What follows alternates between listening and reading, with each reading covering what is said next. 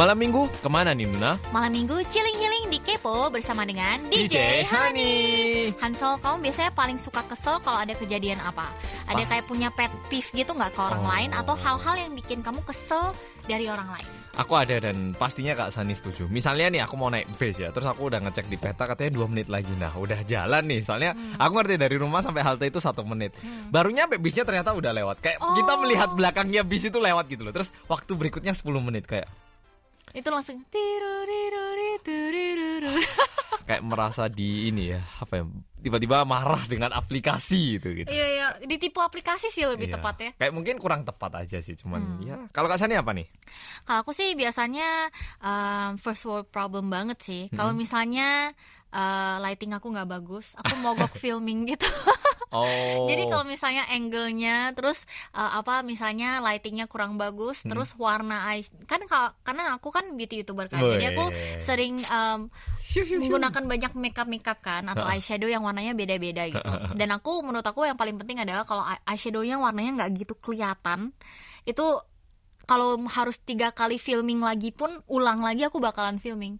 Aku orangnya kayak gitu. Oh. Kalau get ready with me aku misalnya aku pakai makeup nih, Heeh. hasil terakhirnya nggak bagus, aku Hmm. besoknya ulang lagi.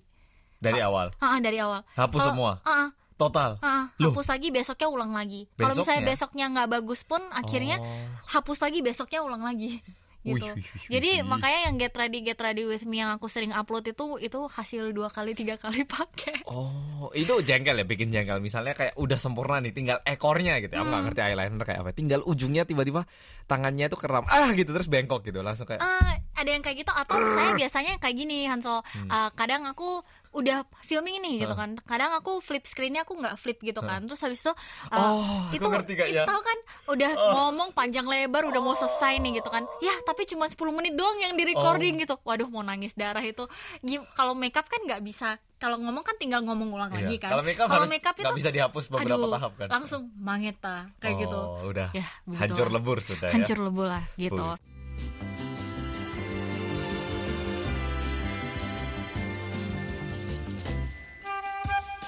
Oke, sekarang mari kita beralih ke segmen Dear DJ. Kemarin-kemarin kita sempat posting di Facebook page KBS World Radio Indonesia. Kalau kalian bisa milih hidup selamanya atau hidup sebentar tapi bahagia banget, kalian bakalan pilih yang mana dan kenapa? Mau dibacain nggak Hansol? Oke, em, ini pesannya dari Alivia Dea. Waduh, ini namanya kayaknya cukup familiar sebenarnya. Betul Halo sekali. DJ Hani, perkenalkan saya Alivia Dea katanya. Halo. Halo. Tema di DJ kali ini meng- menggoda sebenarnya, tapi tertulisnya mengoda ya. Jadi kurang satu. Menggoda sekali, Kak. Kalau dipikir-pikir semua ada positif dan negatifnya. Di satu sisi hidup selamanya berarti bisa menikmati semua yang ada di bumi dengan segala perkembangannya dengan catatan hidup berkecukupan. Tetapi kalau semua orang bisa hidup selamanya, saya berpikir dunia ini akan penuh sesak dengan manusia wakakakaka. Tetapi juga jika hanya diri sendiri yang hidup selamanya, alangkah betapa sedihnya ketika orang yang kita sayangi meninggalkan kita, seperti dalam drama Goblin.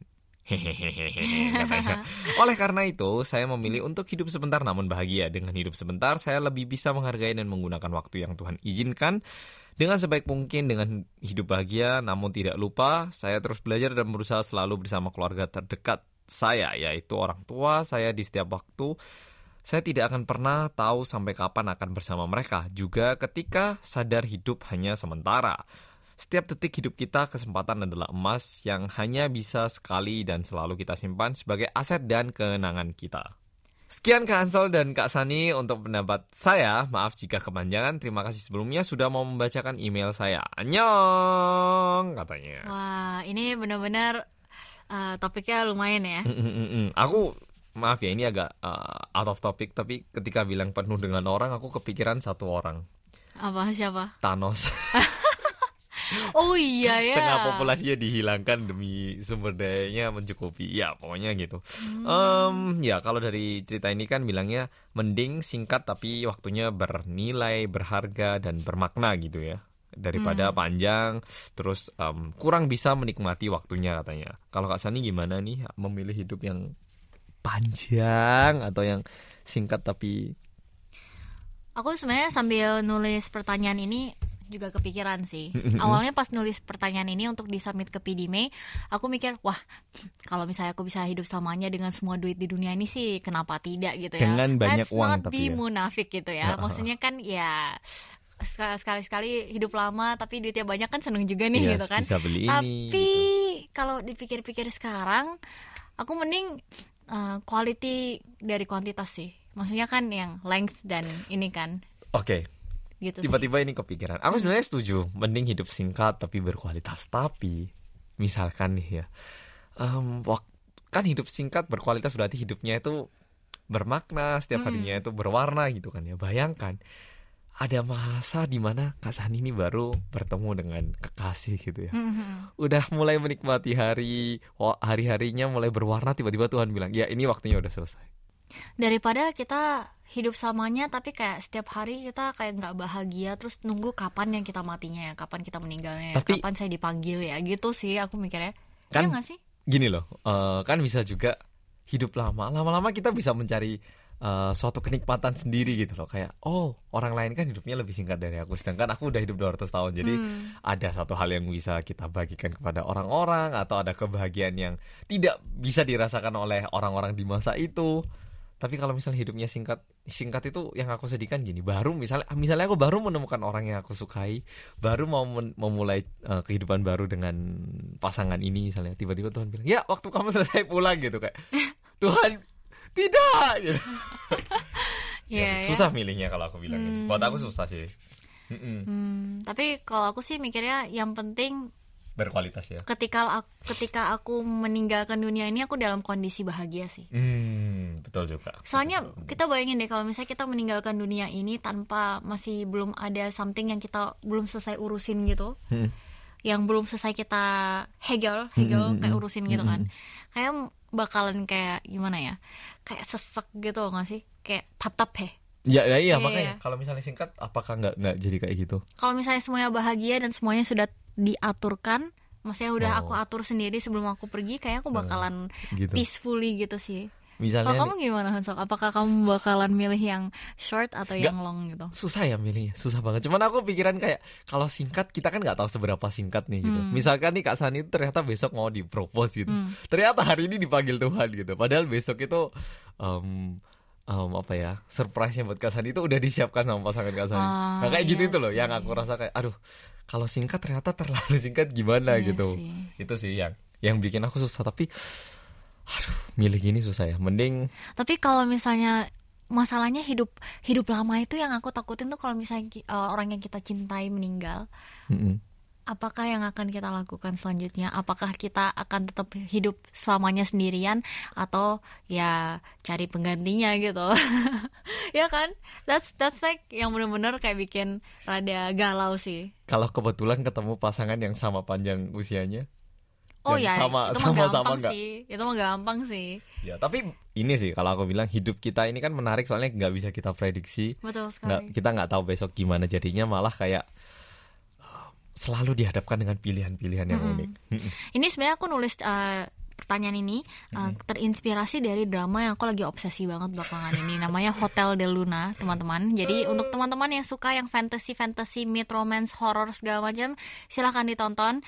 Uh, sekarang lagi hot banget di Korea. Yang main aktrisnya adalah Ayu. Pacar saya juga tiba-tiba lagi kepincut Ayu. Jadi apa apa sekarang semua dramanya Ayu mau ditonton sama dia. Sekarang mari kita lanjut ke Dear DJ yang kedua hari ini. Dan seperti biasanya akan dibacakan oleh kakak Sani. nah ini juga dari salah satu pendengar setia kita yaitu Agnes AA Yay. Halo DJ Hani, hari ini aku akan menjawab pertanyaan dari DJ. Apakah kamu lebih memilih hidup samanya atau sebentar tapi bahagia? Kenapa alasannya? Oke, saya jawab nih DJ. Jadi, aku lebih memilih hidup sebentar tapi bahagia karena aku tahu bahwa umur kita nggak ada yang tahu, hanya sang penguasa yang tahu. Ya. Tuhan. Tapi aku ingin sama aku hidup, aku bahagia tanpa ada ra- adanya rasa sedih. Aku nggak mau hidup lama beratus tahun tapi tidak bahagia dan hanya dan hanya ada rasa penyesalan, sedih atau kegelisahan yang ada di dalam hati. Pastinya aku tidak mau hidup seperti itu. Kalian juga tidak mau kan? Makanya aku itu lebih memilih hidup sebentar tapi bahagia. Karena aku tahu kesedihan akan pudar jika kita bahagia dan aku pun tahu juga jika aku bahagia, hidup kita akan terasa lebih panjang walau pada kenyataannya hidup kita sebentar. Terima kasih. Bagaimana nih DJ? Maaf jika ada kata-kata atau kalimat yang mempersulit DJ untuk membacanya. Semoga aku kepilih jadi pemenang di DJ minggu ini. Oh iya nih DJ, BTW makasih untuk nyanyian selamat ulang tahunnya. Oh. Aku suka. Oh, sama-sama. Sama-sama, sama-sama. Hmm. Tiba-tiba aku kepikiran kan pertanyaannya hidup sebentar tapi bahagia hmm. atau hidup um, selamanya kan ya. Hmm. Kalau misalnya pertanyaannya kita ubah mau hidup singkat atau hidup panjang gimana? Tanpa jaminan itu bakal bahagia atau enggak? Yang panjang aja deh. panjang, aja deh. Tapi sengsara gimana? Um, enggak sih sebenarnya sengsara atau tidak bahagia atau tidak kan berdasarkan keputusan kita gitu betul tapi kan namanya hidup kadang ada faktor luar ya tiba-tiba orang yang kita sayangi semuanya terkena musibah gitu itu kan kita nggak bisa memilih aku tetap nggak peduli gitu kan nggak bisa kan ya jadi ya sih kalau hidup singkat bahagia pastinya kayaknya kita bakal lebih mudah milih mau bahagia gitu. Coba mau hidup singkat atau panjang gitu tapi kita nggak diberitahu. Wih susah banget kayaknya. Tapi tapi kalau dipikir-pikir gini ya so kalau misalnya kita bisa hidup lama kita bisa membantu keluarga kita yang susah gitu. Waduh deep banget ya curhatannya teman-teman Kepors ya Hansol. Mm, mm, mm, Sekian untuk sesi curhat minggu ini. Tetap berpartisipasi untuk minggu depan ya. Dan uh, untuk pemenang minggu ini adalah Agnes Woi, akhirnya jadi Agnes AA benar-benar terpilih kali ini. Jadi selamat untuk mendapatkan hadiahnya. Jangan lupa untuk konfirmasi data diri dan alamat pengiriman hadiah ke email kami yaitu indonesia@kbs.co.kr.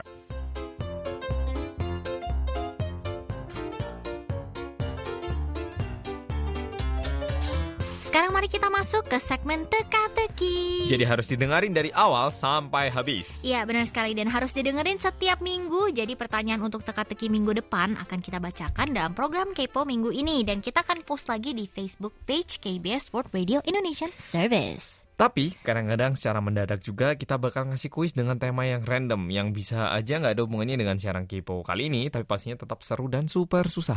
Jadi kalian harus siap kita tantang ya dalam segmen teka-teki minggu ini. BTW cara pengiriman jawabannya gimana ya Hansol? Biar tidak ada yang mencontek jawaban kamu, kamu harus emailin jawabannya ke indonesia@kbs.co.kr. Sip, gampang banget ya caranya teman-teman pendengar Kepoers. Banget. Ya, kalau gitu sekarang mari kita bacain dulu pertanyaan minggu ini. Kira-kira para pendengar Kepo masih ingat nggak pertanyaannya apa? Jadi pertanyaannya adalah, kata-kata yang sering dipakai DJ Hani adalah yang kata-kata gaul nih ceritanya. mari kita baca jawabannya mulai dari Erlina Ci. Dear DJ Hani, perkenalkan nama saya Erlina. Saya ingin saya ingin menjawab teka-teki yang ada di post FB tanggal 10 Agustus. Kata-kata gaul yang sering dipakai di Jahani untuk Cesani yaitu kata coy atau hamba. Kalau ngerasa bersalah bilang kayak aduh maafkan hamba, hamba hanya orang manusia. Betul sekali. Waktu ngedit Cesani juga sering bilang am am am. Sedangkan hmm. untuk Kohansol yang sering menggunakan kata nah karena sadarin juga waktu editing Kohansol setiap menit bilang nah. Jadi nah terus nah nah nah. Semoga terpilih ya. Makasih DJ Hani. Aduh gak kagok oke yang kedua dari Baby Peach. Baby Peach ya namanya. Mm-hmm. Hai DJ menurutku jawabannya ini singkat banget dalam bentuk point form ini ya bentuk point yeah. gitu. Poin pertama DJ Hansol titik dua. Nah DJ Hani titik dua coy slash hamba gitu. Jadi oh. singkat pada jelas. Semoga jawabanku terpilih dan menjadi pemenang. I hope katanya. Oke okay, Hansol mari kita jawab nih pertanyaan yang benar adalah drum roll. Erlina Ci Naci, yeay. Ya, jadi sebenarnya jawabannya dua-duanya benar, cuman hmm. Eril Naci lebih detail, detail lagi masalah editing, sekali. udah gitu yang am-am itu yang Kak Sani juga ditekankan sehingga iya. nah. menjadi pemenang. Nah, nah, nah jadi um, bagi pemenangnya yang kami bacakan hari ini, uh, kami minta konfirmasi alamat Betul pengiriman sekali. hadiahnya. Nah, ke email kami ya. Oke, okay, ya. untuk teka-teki kepo tanggal 17 Agustus, apa yang biasanya bikin DJ Hani kesel kesel.com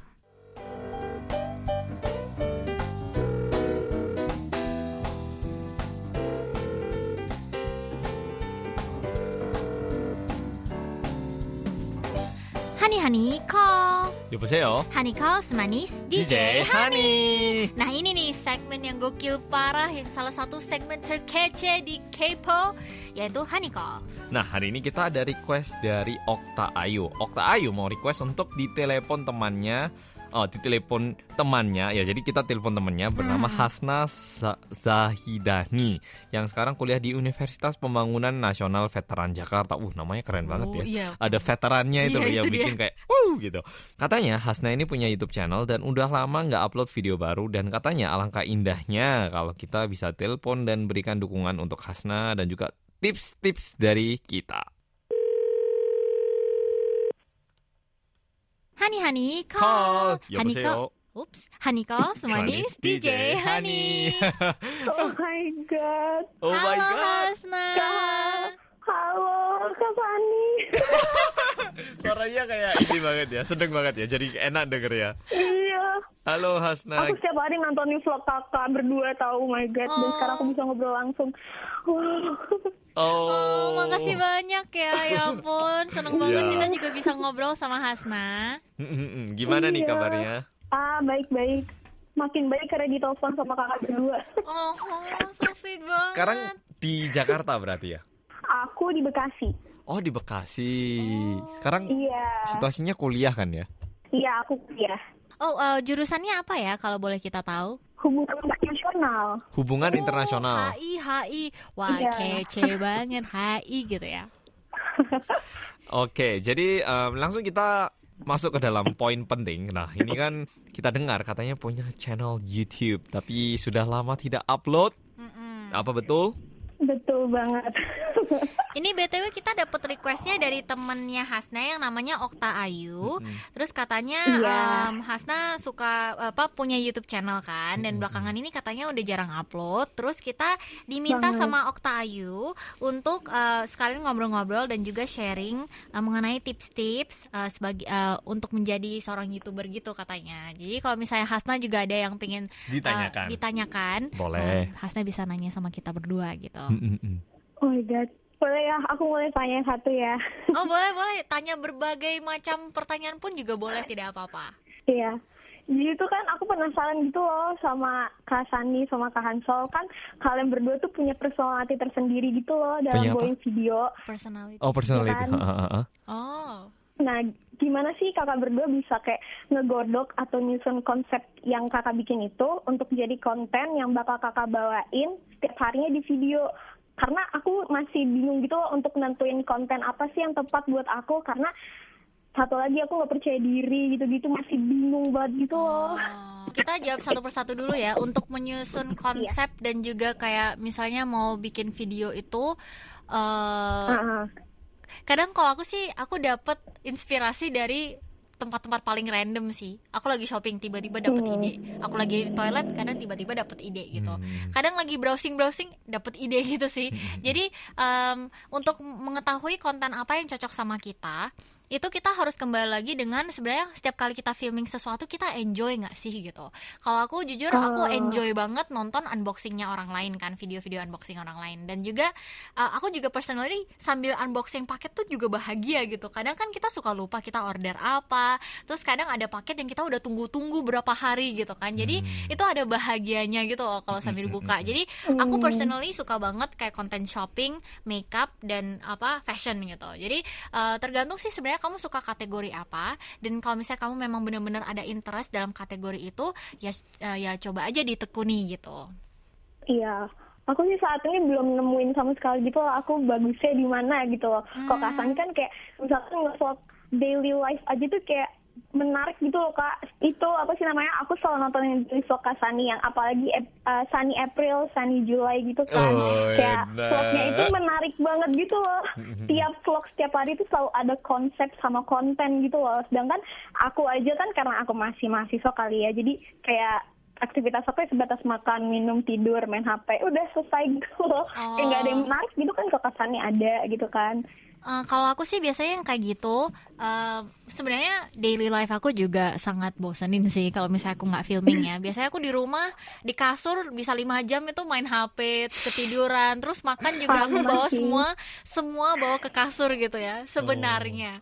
Oh. Ta uh, tapi karena Sunny July Sunny April dan uh, yang lain itu aku benar-benar uh, mencoba untuk mendorong diri aku keluar sih. Jadi sebenarnya hmm. um, menurut aku secara personal oh, oh aku ini di rumah doang itu tuh uh, hanya alasan. Jadi kita harus benar-benar mendorong diri kita untuk keluar mencoba sesuatu yang baru sih. Makanya sebenarnya aku juga uh, seumur umur aku baru pertama kali nyoba mangga yang uh, harganya satu juta juga aku oh, iya. karena aku mencoba aku untuk nyoba-nyoba gitu loh, nyoba hal ini, nyoba hal itu. Oh ada yang hal aneh. Oh kenapa tidak aku coba? Padahal diri aku sendiri juga kadang kayak aduh mesti ya aku kayak gitu ya mesti ya aku harus keluar. Tapi kalau kita tidak mendorong diri kita kita nggak bakalan pernah nyoba gitu. So never try never know kata orang gitu kan. Hmm, benar, jadi benar. Um, harus mendorong diri kita out from our comfort zone sih. Jadi nggak um, ada salahnya untuk dicoba gitu Hasna. Benar benar.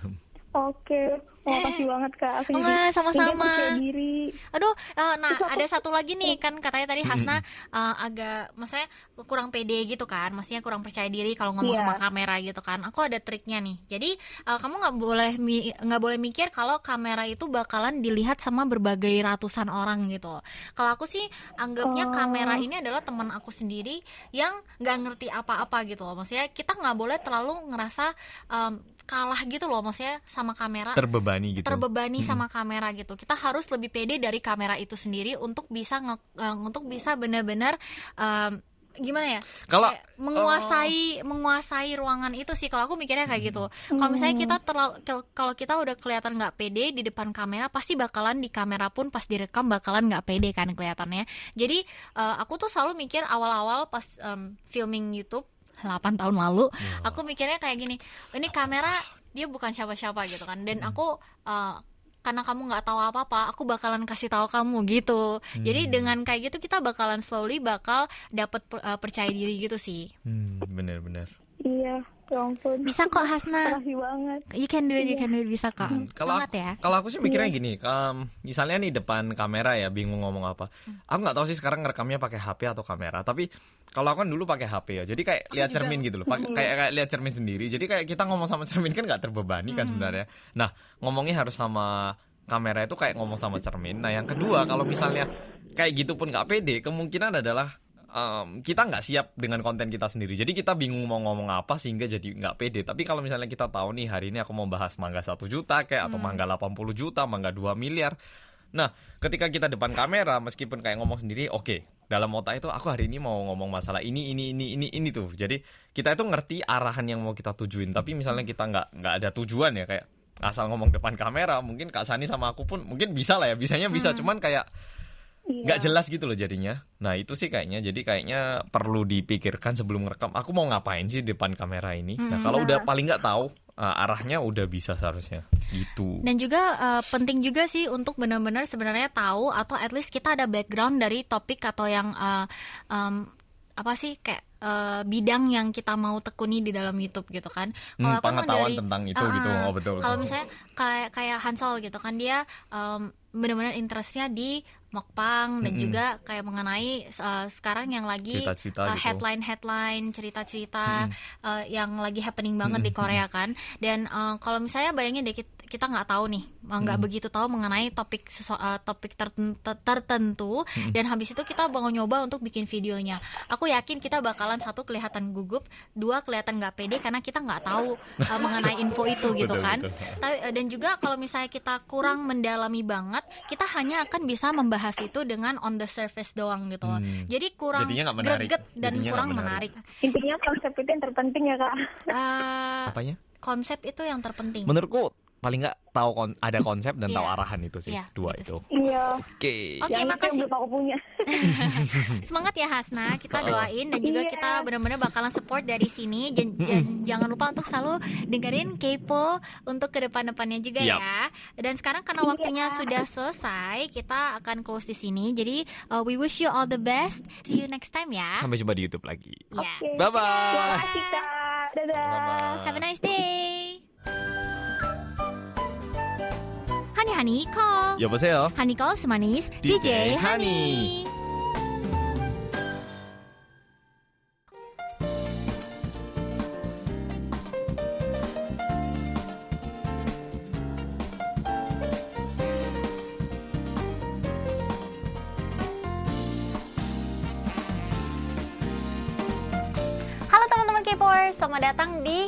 Segmen Sunny Side Side Up.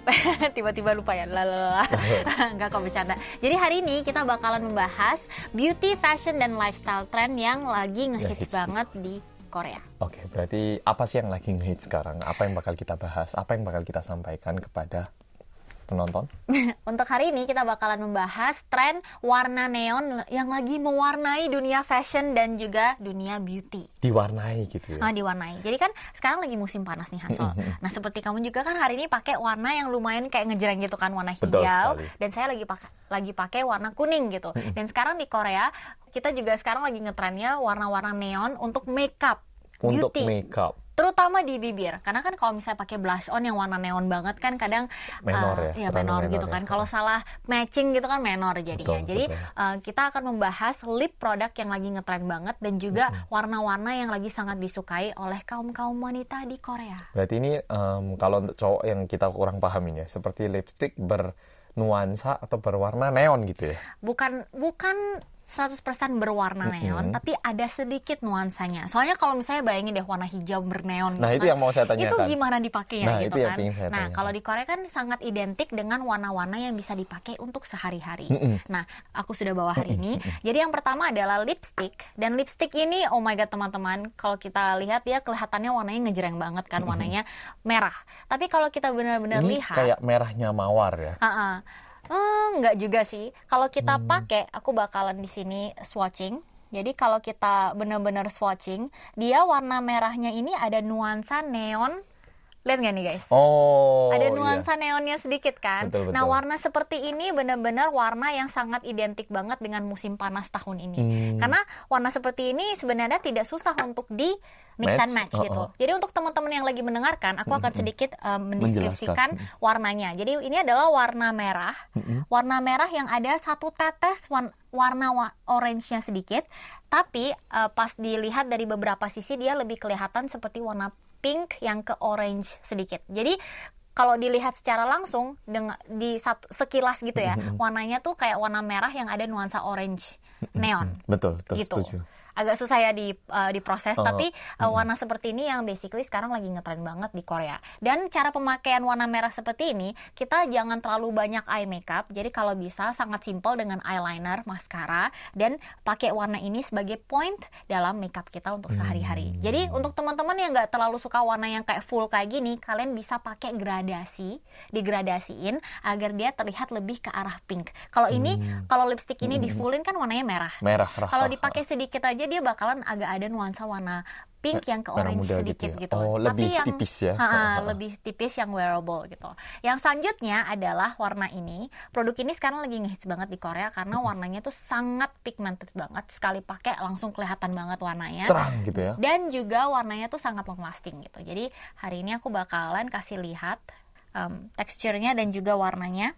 Nah, ini teman-teman, ini uh, untuk teman-teman yang mendengarkan, ini adalah warna kalau tomat dikasih dua tetes warna pink, pigmen warna pink bakalan seperti ini. Dia warnanya menurut aku sangat cantik secara universal. Maksudnya universal ini untuk semua skin tone bakalan kena Cocok. banget Oh. karena ini akan membuat kulit kita tuh terlihat lebih putih, terlihat lebih Cerah, brighter, cerah. cerah gitu. Maaf, begitu. Jadi uh, warna seperti ini juga lagi sangat ngetren banget. Yang di atas ini yang barusan kita pakai yang pertama dia lebih ke arah matte, yang di bawah ini lebih ke arah um, Glossy. sedikit glossy tapi ada ada matte-nya sedikit. Hmm, Dan betul, yang betul. ini dia produknya tint. Dan yang terakhir ini adalah lip tint. Ini juga warna yang lagi ngehits banget dan Wah, ini- teksturnya dia lebih ke arah air. Jadi kayak water tint gitu. Yang ini lip, yang pertama lipstick, yang kedua uh, lebih ke matte tint, uh, matte semi matte tint, yang terakhir lebih ke arah air. Yang Oh, kayak oh, gini oh. yang sering banget dipakai sama anak-anak SMA.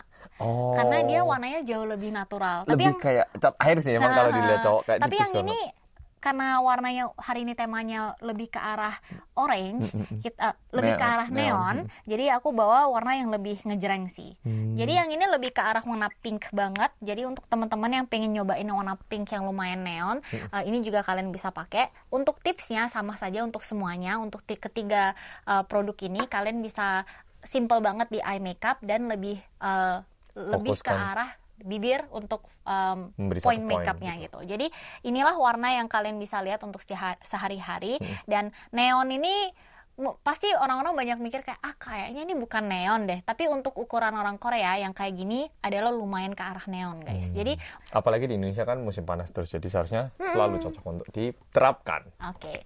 cukup sudah untuk segmen Sunny Up hari ini jangan lupa untuk stay tune untuk segmen yang ke depan and we'll see you guys next time